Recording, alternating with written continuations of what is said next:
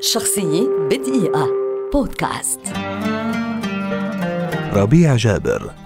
روائي وكاتب وصحفي لبناني ولد عام 1972 ويعد أحد أبرز الروائيين في العالم العربي حاليا وأحد ألمع أدباء جيله. حصل على شهادة في الفيزياء من الجامعة الأمريكية في بيروت وفي عام 1992 حين كان في العشرين من عمره نشر روايته الأولى سيد العتمة وقد فازت بجائزة الناقد للرواية لتكر من بعدها سبحة الروايات الناجحة التي وصل عددها إلى 19 رواية. ما بين 1992 و 2014 عام 2010 رشح جابر لنيل الجائزة العالمية للرواية العربية عن رواية أمريكا الذي اقتبس منها فيلم بالاسم نفسه إلا أنه فاز بالجائزة في العام 2012 عن روايته دروز بلغراد حكاية حنا يعقوب في عمر الأربعين عاما. وقد تم إعلان ذلك في أبو ظبي. ويعد جابر أول روائي لبناني يفوز بالجائزة. ترجمت رواياته إلى عدة لغات منها الألمانية الألمانية والفرنسية